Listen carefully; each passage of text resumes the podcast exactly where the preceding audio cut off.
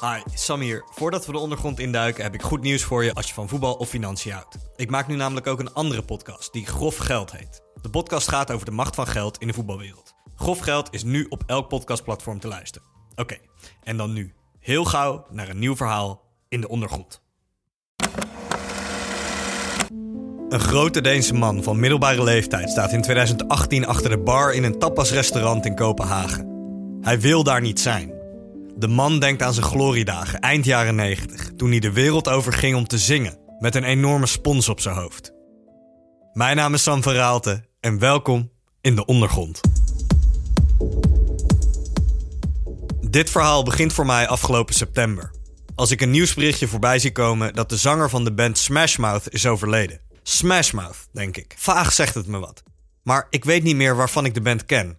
Ik tik de naam in op YouTube en word meteen teruggetransporteerd naar eind jaren 90. Zoals alleen muziek dat kan doen. Somebody once told me the world is gonna roll me. I ain't the sharpest tool in the shed. She was looking kind of dumb with her finger and her thumb in the shape of an L on her forehead.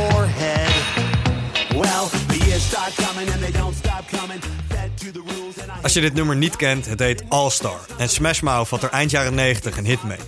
De clip is kleurrijk, speels en levendig. Later zou het in de soundtrack van de eerste Shrek-film gebruikt worden. Als ik het nummer hoor, brengt het me terug naar die tijd. Hey now, you're an all-star. Get your game on, go play. Hey now, you're a rockstar. Get the show on. Ik zit dan nog op de basisschool en het is de periode waarin tienerfilms super populair worden. Met als uitschieter American Pie, over een Amerikaanse vriendengroep op de middelbare school. Oh, and this one time at band camp, I stuck a flute in my pussy. Excuse me? Het is ook de tijd van de Spice Girls en de Backstreet Boys. En skatecultuur waait dan ook over vanuit Amerika naar Nederland. Opeens willen alle kinderen op mijn basisschool mega wijde broeken dragen en kunnen skateboarden. Ik ook. Maar ik kan er geen kloten van en kijk vooral jaloers naar de kids met een betere motoriek, die wel een kickflip kunnen. Iedereen speelt in die tijd ook de games van skater Tony Hawk op de PlayStation. Goed, terug naar de muziek van Smash Mouth. Ik check de clip van All Star en van daaruit schotelt het algoritme van YouTube me meer nummers voor uit die tijd. Nummers van bands zoals Sum 41.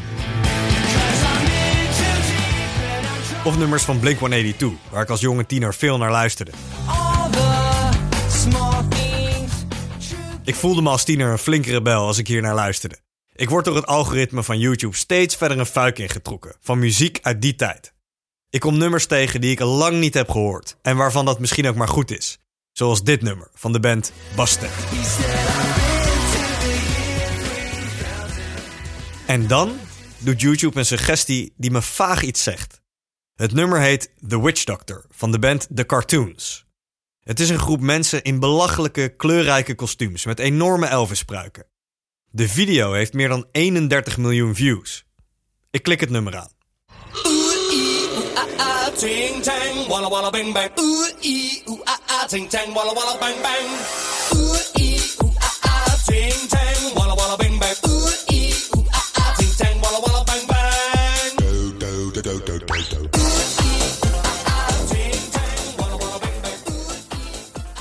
Het is niet een best nummer, maar het blijft wel in je hoofd zitten.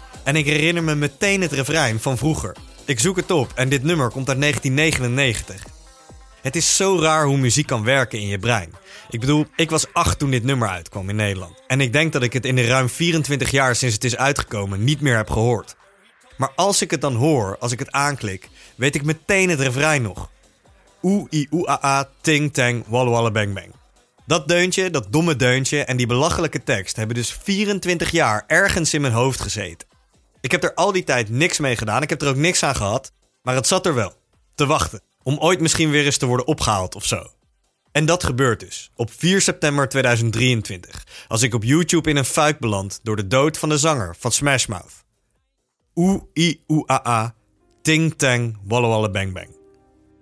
Ik laat de Leo Blokhuis in me los en ga op onderzoek uit. Op de site van de top 40 zie ik dat dit prachtige nummer in 1999 10 weken in de Nederlandse top 40 heeft gestaan. Met de 12e plek als hoogste notering. Het nummer was ook een hit in andere landen in Europa, van Spanje tot Duitsland. Vooral in Engeland was het populair en stond het zelfs op plek 2 in de charts. Na hun eerste album heeft de groep achter dit nummer, de band The Cartoons, nooit meer een hit gehad. Ik zoek op hoe het nu gaat met deze band. Het blijkt gek genoeg een Deense band te zijn en ik zie dat ze nog actief zijn op Instagram, al hebben ze daar niet zoveel volgers, iets meer dan 1500. Daar zie ik dat ze nog steeds wel eens in de studio zitten om nieuwe nummers te maken. In een filmpje zit een lid van de band, een man van naar ik schat 50 à 60, met een enorm paars kostuum aan en een foame Elvis-pruik voor een computer, terwijl die trots een nieuw nummer aankondigt. Hi everybody, this is Sponge from Cartoons. This is our new single, Shots, just been pre-released on TikTok. Go give it a listen. De cartoons zijn er dus nog steeds, soort van. Ik wil weten hoe het komt dat deze Denen eind jaren 90 ineens de Europese hitlijsten bestormden met dat rare nummer. En ik wil weten wat er sindsdien met ze is gebeurd. De website van de band lijkt verouderd. Maar ik zie er een e-mailadres staan. Dus ik mail ze en leg uit dat ik podcasts maak in Nederland. Dat ik hun muziek ken van vroeger en benieuwd ben naar het verhaal van de band. De volgende dag krijg ik een mailtje terug. Hi Sam, that sounds like fun. Let's do it. I'm available. Best Jesper aka Sponge. Spons. Ik check de Wikipedia-pagina van de groep en Sponge is een van de oorspronkelijke leden van de groep. Iedereen in de band heeft kennelijk een bijnaam en die van Jesper is Sponge, omdat hij een enorme pruik van spons op zijn hoofd heeft als ze optreden. We plannen een call in. Een paar dagen later zit ik voor mijn laptop, klaar om achter het verhaal van Sponge en de cartoons te komen. Op mijn beeldscherm verschijnt een doodnormale Deense man van een jaar of 60, die me vriendelijk begroet. Hi Sam, how are you? I'm not an uh, IT wizard, so sometimes I fuck it up, but it seems like it works. Jesper vertelt me dat hij al van jongs af aan muziek maakt. In de jaren 80 begint hij met een vriend, Martin Ostengaard, een coverband waarmee ze de jaren 50 rockmuziek uit Amerika spelen. Zoals Rock Around the Clock van Bill Haley en The Comets. We're gonna rock around the clock tonight. Put your glad rags on. Join me home. Jesper en Martin noemen hun coverband dan de Scooters. Ze dragen Elvis-pruiken, zwarte pakken en roze shirts. Martin koopt een roze Vespa waarmee hij op het podium rondrijdt tijdens optredens. Meer dan 10 jaar treden ze in Denemarken op met hun act. Maar na een tijdje gaat dat vervelen, vertelt Jesper. Halverwege de jaren 90 komen ze bij elkaar. Ze willen wat anders gaan doen. Rond die tijd is er een nieuw genre in opkomst in Europa. Eurodance, een opgewekt energiek genre. Het nummer Pump Up The Jam van het Belgische duo Technotronics wordt gezien als de eerste Eurodance plaat. Because that's where the party's at, and you find out if you do that. Het Nederlandse duo Two Unlimited heeft daarna ook een wereldhit in dit genre, met het nummer No Limit.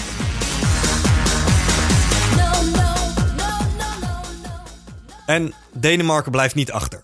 In 1995 scoort de Deense artiest Sonny Carlson onder de artiestennaam Wickfield een nummer 1 hit. Onder meer in Engeland, Duitsland, Spanje en Canada. Met het Eurodance nummer Saturday Night.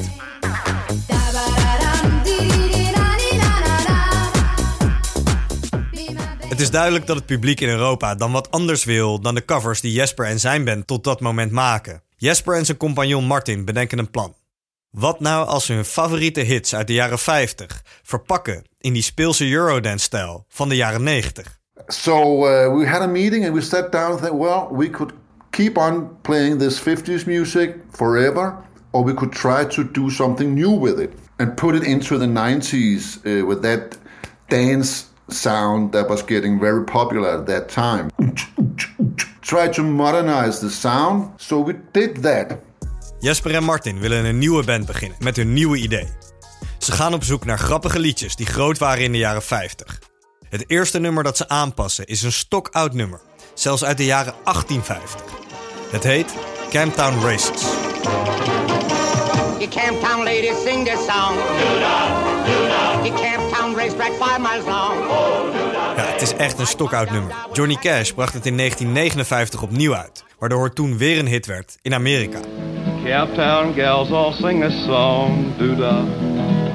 Jesper en Martin duiken de studio in en gaan aan de slag met dat nummer. Ze willen daar hun eerste single van maken, om grote muzieklabels te overtuigen ze te tekenen. Ze maken er een eigen versie van, in Eurodance-stijl.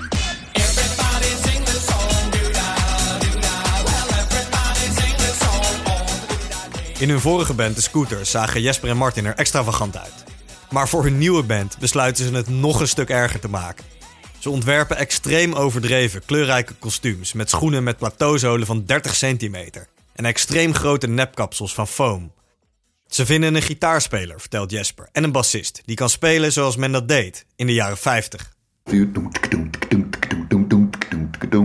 In de praktijk blijkt dat helemaal niet te werken in de dancemuziek. Maar ze houden de bassist er toch bij voor de show en geven hem een belachelijk grote bas in de vorm van een wortel. Jesper en Martin willen ook twee vrouwen in de groep. Die hoeven geen instrumenten te bespelen, maar er worden wel eisen gesteld. Eisen waarmee je vandaag de dag, en dat is misschien maar goed ook, niet meer weg zou komen. Then we casted two girls with very large advantages, what you call it, you know. Jesper beeldt twee enorme borsten uit terwijl hij dit zegt. We had like 50 girls in a casting session. and since we loved Elvis, they had to look like Elvis. So when they saw the costumes, they was like, "Serious? You want us to wear this?" Goed, de vrouwen in de band zijn dus danseressen in Elvis-kostuums met diepe decolletés. Ze noemen de nieuwe band The Cartoons. Jesper is van zichzelf al 1,90 meter. En door de enorme plateauzolen die ze dragen en die pruiken, is hij een reus van wel 2,30 meter als hij zijn kostuum aan heeft. Het is de bedoeling dat mensen denken dat ze aan de druk zitten als ze de groep zien, zegt Jesper. Iedereen in de band krijgt een bijnaam. Zo wordt Martin Tooney en Jesper Sponge. Ik vraag Jesper of ze deze transformatie echt maakte omdat ze dat wilde, of ook gewoon ordinair in de hoop om meer geld te verdienen. Money. no, uh, well, I don't know. It's, it's a little bit of both. I will say mainly it just just because we love to have fun. We were also a bit crazy in the old band, and we just wanted to take it a little further. Maybe we took it too far. I don't know, but we wanted to go even more crazy. Als ze de band compleet hebben en één liedje hebben opgenomen, Duda, is het tijd om aan te kloppen bij muzieklabels. In de hoop ergens een deal te krijgen. And we went to like seven or eight record companies in Denmark, and we pitched it for them. Well, they looked at us and said, "You, you crazy." But almost all of them said yes. Oh, wow. They could see it in that crystal ball. This could be something. Dat de muzieklabels dan geïnteresseerd zijn in de cartoons komt puur door het succes van eerdere acts als Wigfield. De cartoons krijgen verschillende aanbiedingen en accepteren een voorstel van EMI. EMI is een iconisch Brits platenlabel. Artiesten als Elton John, Taylor Swift en Justin Bieber zitten er nu. En als Jesper en zijn vrienden er tekenen, is Robbie Williams hun grootste artiest. Hij is dan net solo gegaan uit Take That en heeft mega-hits. Met nummers als Angels en Let Me Entertain You. Jesper en zijn band duiken meteen de studio in als ze hun deal hebben getekend. Zes maanden lang werken ze aan een album. De eerste single moet het nummer Duda worden. Voor de tweede single graven Jesper en Martin weer een jaren 50 hits. Ze vinden een nummer uit 1958 van de artiest David Seville. Die man was Armeens-Amerikaans en heette eigenlijk Ross Bagdasarian, maar koos voor David Seville als zijn artiestennaam. Het nummer dat Jesper en Martin vinden gaat zo. I told the witch doctor I was in love with you. I told the witch doctor I was in love with you. And then the witch doctor he told me what to do. He said that.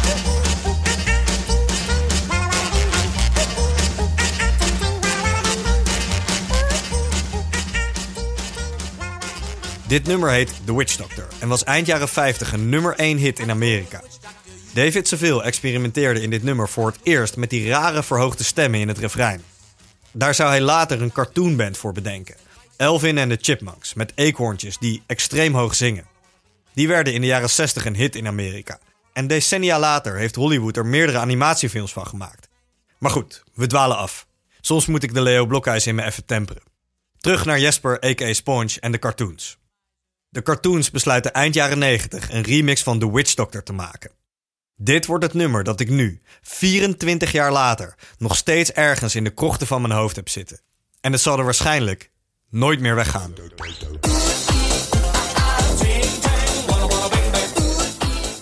Dit moet dus de tweede single worden van het album van de cartoons. De singles worden eerst getest in Denemarken. En ze doen het daar goed. De cartoons worden een hit in Denemarken en zijn direct graag geziene gasten in tv-programma's en talkshows. Jesper vertelt dat de directieleden van de grote Europese muzieklabels eind jaren 90 één keer per jaar bij elkaar komen in Londen om te bepalen welke artiesten ze in het nieuwe jaar prioriteit gaan geven. De baas van de Deense tak van EMI gaat dat jaar naar de vergadering in Londen. Daar is nog nooit prioriteit gegeven aan een artiest die hij heeft gepresenteerd. Dit keer neemt hij de singles Duda en The Witch Doctor van de cartoons mee en de foto's van de band. Hij houdt in Londen zijn presentatie en meldt zich de volgende dag bij Jesper en Martin in Denemarken. Die kunnen niet geloven wat ze horen. For the first time in Danish EMI history, you are now an A priority. De karikatuurband van Jesper en Martin is bestempeld als A-prioriteit bij EMI dat jaar. Samen met één andere artiest, Robbie Williams. Dat betekent dat alle kantoren van het label in Europa een marketingplan moeten opzetten om de band zo groot mogelijk te maken. That means that they have two artists that they have to uh, spend a lot of money on all over Europe. Cartoons, Robbie Williams. It just exploded. It just took off. Yeah, it was completely crazy. De eerste single wordt gedropt in Europa en de groep wordt direct in een bus gestopt op een non-stop promotietour door het continent. Phil's having fun. It's Technicolor Danish hitmakers, the cartoons for you, and here they are with their top five hit, Witch Doctor.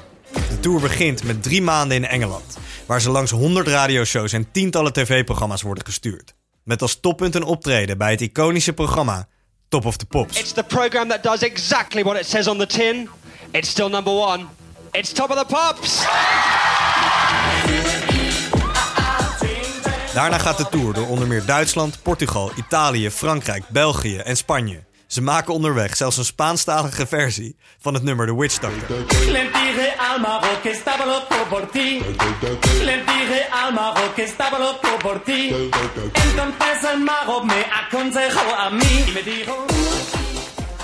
Die promotietour duurt 18 maanden, anderhalf jaar. So that's how that's how it was the first 18 months. It was crazy. I mean, it was totally crazy. I mean, we were all over the place. Fantastic time. I'll never forget. Jesper vertelt dat het label meer dan een miljoen heeft geïnvesteerd in de promotie van de groep. De cartoons worden non-stop door Europa gereden en gevlogen om dat geld terug te verdienen voor het label. De twee vrouwen in de groep trekken ook aandacht, maar niet voor hun muzikale bijdrage. I remember first time we went to Italy. You know, these girls had quite big breasts. I have to be honest. And you could see those breasts in those Elvis costumes. So when we went to Italy, a lot of male TV hosts and radio hosts, they also like big breasts. I don't know. So they were like hypnotized. There was one saying on Rai Uno show, one live television, when he looked at them and he looked at their breasts, he said, I will die for the boobs. I will die for the boobs. Tijdens hun tour komen de cartoons ook naar Nederland. En Jesper kan dan niet wachten om de coffeeshops in te duiken. I remember Holland very well. Uh, I remember that uh, first time we got to Amsterdam. Never been there. I heard about some of your shops, coffee shops. And uh, Martin and I was, uh, we want to check this out. And the manager just came after us. No, no, no, no, no, no, you cannot do that. You cannot do that. No, okay. So when he went to bed, we got out and we got down to the coffee shop in Amsterdam. And we had a lovely time. De cartoons treden later die avond op bij TMF. Maar dat optreden loopt niet helemaal goed. And then the lead singer, Martin Tooney, uh, he fell on the stage. And it's very difficult to get up when you fall with these kind of high shoes. So he was lying there like a turtle, screaming, Help me, help me, get up on live television. Jesper zegt dat de muziek, ondanks de kinderlijke kostuums, bedoeld was voor twintigers en dertigers voor tijdens het feesten. Maar de band wordt tijdens de tour ook mateloos populair onder kinderen.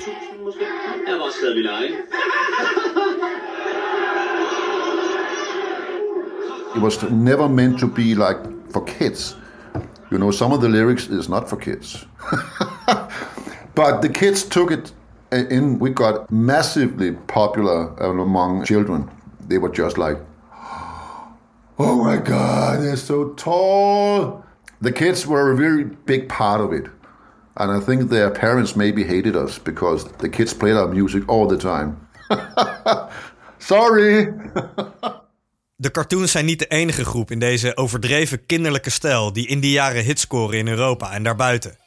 Het is een vreemde, korte fase waarin het in de muziekwereld stikt van dit soort rare groepen. Zo heb je dan vanuit Denemarken ook de groep Toybox, die tegelijkertijd met de cartoons hits scoort als The Taylor Song en Tarzan and Jane. My name is Tarzan, I am Jungle Man. En er is ook Aqua, ook een groep uit Denemarken, met misschien wel de allergrootste hit uit dit genre.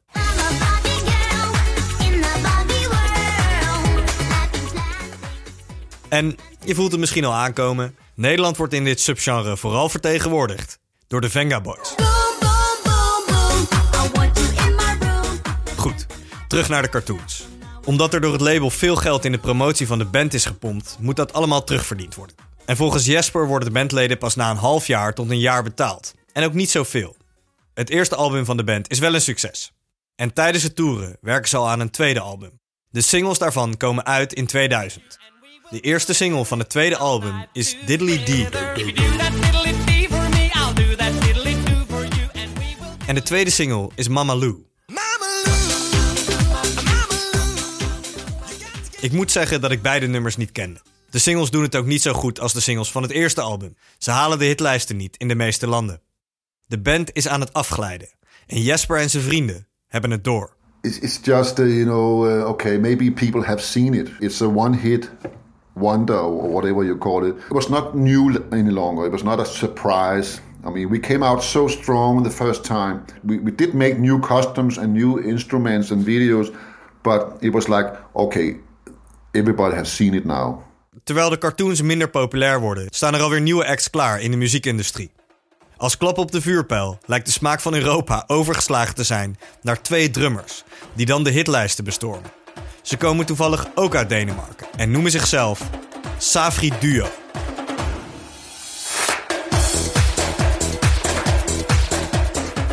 Eerlijk is eerlijk, hoe ga je hiermee concurreren? Het gaat dan allemaal bergafwaarts met de cartoons. Ze zijn al bijna drie jaar lang onderweg met elkaar en ze beginnen elkaar ook een beetje zat te worden. We were getting a little tired of each other, so we said, okay, let's call it a quits here. It just seemed like the market was not ready for more. They had it. All the parents hated us. Jesper en zijn maten willen stoppen met de band. Maar dan komt een manager terug met goed nieuws. Hij is gebeld door een Amerikaans muzieklabel. Dat label wil proberen de cartoons groot te maken in Amerika. Het idee is dat ze een jaar lang in een bus door Amerika worden gestuurd voor een tour. De bandleden komen bij elkaar en overleggen het voorstel. Ze besluiten het te doen. Eén laatste tour met de groep, door de VS. Maar daarna is het in ieder geval klaar met de cartoons, spreken ze af. Het is dan de bedoeling dat ze in de nazomer van 2001 naar Amerika vliegen. Om daar half september aan de tour door de Verenigde Staten te beginnen. Maar dan verandert de wereld.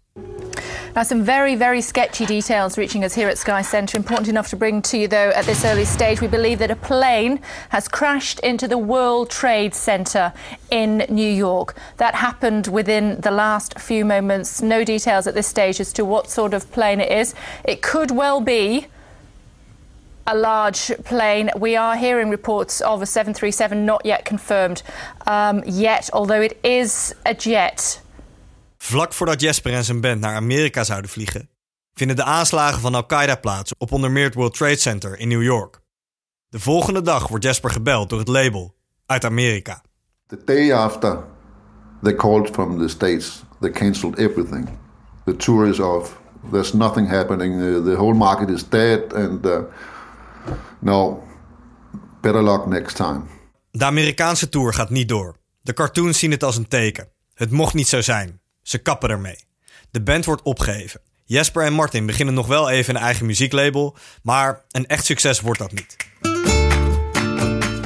Martin gaat het vastgoed in. Jesper koopt dan een tapasrestaurant, genaamd Pegasus, met een bar in Kopenhagen. I thought to myself, well, that was an old dream. Now I have the money and the time, no more cartoons. How difficult can it be? Maar het blijkt moeilijker dan gedacht voor Jesper om een restaurant te runnen. Hij werkt zich er dik 10 jaar helemaal kapot. En in 2012 krijgt hij een belletje. Een van de twee oorspronkelijke vrouwen van de cartoons, Karine Jensen, die Boep heette in de band, is gediagnosticeerd met borstkanker. Haar beide borsten worden geamputeerd. Ze is dan pas begin 30 en heeft net een jong gezin. Ik vraag Jesper hoe hij ervan hoorde dat ze ziek was. You were very good informed. She was like this um, very sweet uh, person, uh, generous, empathetic, just a really lovely person to be around. And uh, but when I heard of it, I was just uh, I was shocked. We didn't keep contact for a couple of years and keep in touch. And uh, then I just uh, read about it, and I called her, and, um, and that was just shocking. She just got two small kids, and uh, a very nice uh, husband. So and she tried everything, and It was just heartbroken. Way too young. Carina Jensen overlijdt in de zomer van 2016. Niet lang daarna krijgt ook de oorspronkelijke gitarist van de groep, Erling Jensen, te horen dat hij uitgezaaide kanker heeft en terminaal is. Volgens Jesper lag de oorzaak van de ziekte in dit geval in drugsgebruik in de succesperiode van de cartoons. He liked to put some funny stuff up his nose, so he had been using a little stimulants for a long time. And uh, he told me that uh, when he went to the doctor and he got this diagnosis, the doctor said, Have you been doing anything like you're a musician? Have you been trying to put something funny up your nose? Yes, for two or three years. Okay, that explains it. De cartoons zijn dan al jaren gestopt. Eén oorspronkelijk lid is overleden. Een ander is terminaal. Jesper heeft zijn restaurant, maar daar is hij niet gelukkig. En dan gebeurt er iets wat hij niet aan ziet komen. Er ontstaat in het Westen een revival van jaren 90 popcultuur. Jaren 90 feesten en festivals worden steeds populairder. Een 90s festival uit Denemarken belt Jesper op met de vraag of de cartoons er willen optreden. Jesper wijst het eerst af. Hij speelt Hard to Get. Hij zegt dat de cartoons er alleen willen optreden als Aqua dat eerst heeft gedaan. En dat gebeurt in 2017. Dus in 2018 belt het festival Jesper opnieuw op. Nu is het jullie beurt, zeggen ze. Jullie hebben het beloofd. De paniek slaat dan toe bij Jesper. I was like, oh shit, what are we gonna do? We haven't been playing for 15 years. Oh my god, they don't know the songs. Can I fit the clothes? What about the girls? One is dead. And De groep wordt bij elkaar gehaald en gaat repeteren. Ze gaan het doen. Jesper draagt de zorg over zijn restaurant tijdelijk over aan iemand anders. En Martin neemt een break van zijn werk in het vastgoed. Zelfs gitarist Erling, die er dan slecht aan toe is, doet mee.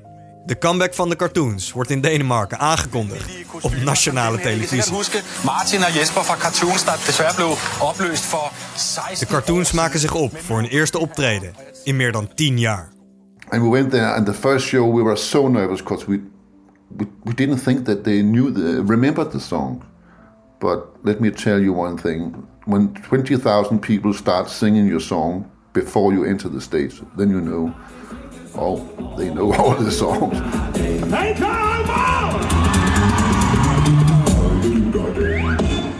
Het kost de doodzieke gitarist Erling alles wat hij nog in zich heeft. Maar ook hij maakt het optreden af. He was very tired, and he had to lie down, and you know, but he did it, and he had a, a great time doing it. So I was, I'm so happy that he said yes to do this last thing, right? De comeback van de cartoons is een succes, maar aan het einde van de show pakt liedzanger Martin de microfoon. Hij spreekt het publiek toe en zegt dat dit dan echt het einde is van de cartoons. All right, everybody, this is the absolutely last time you'll ever see cartoons again. Never again. We're gonna go home and burn everything. Have a nice evening. And I was like, what? What did you just say? Jesper kan zijn oren niet geloven. Hij is juist enorm blij om weer op het podium te staan, na 10 jaar in een restaurant. Hij noemt zichzelf een oude circusolifant die altijd op wil blijven treden. So I said, no, no, no. I'm gonna keep all these, uh, all these clothes and all the instruments. Let's see what happens. I would maybe like to, uh, to do something with it. Jesper voorkomt dat alle spullen van de cartoons verbrand worden. Hij wil alles houden.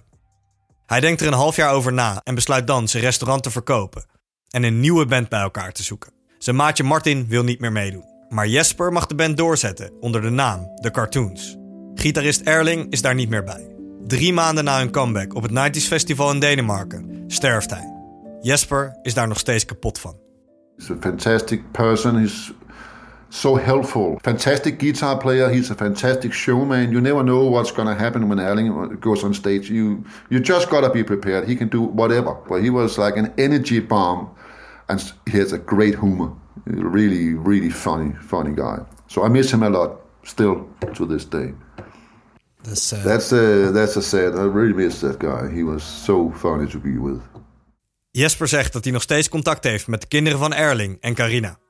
Hij richt zich nu volledig op de revival van de cartoons. Jesper heeft de afgelopen jaren een totaal nieuwe band aangesteld. Hij is het enige oorspronkelijke lid van de groep dat er nu nog in zit. Zijn vrouw is nu de manager van de groep. En bij hem thuis gaat het vandaag de dag 90% van de tijd over de cartoons. Jesper heeft een container van 6 meter lang met daarin nog alle kostuums en spullen van de band. Hij belt één keer per week met Martin over hoe het nu gaat met de cartoons. Ze treden nog steeds op. Vooral op 90s muziekfeesten, door heel Europa. I love it now.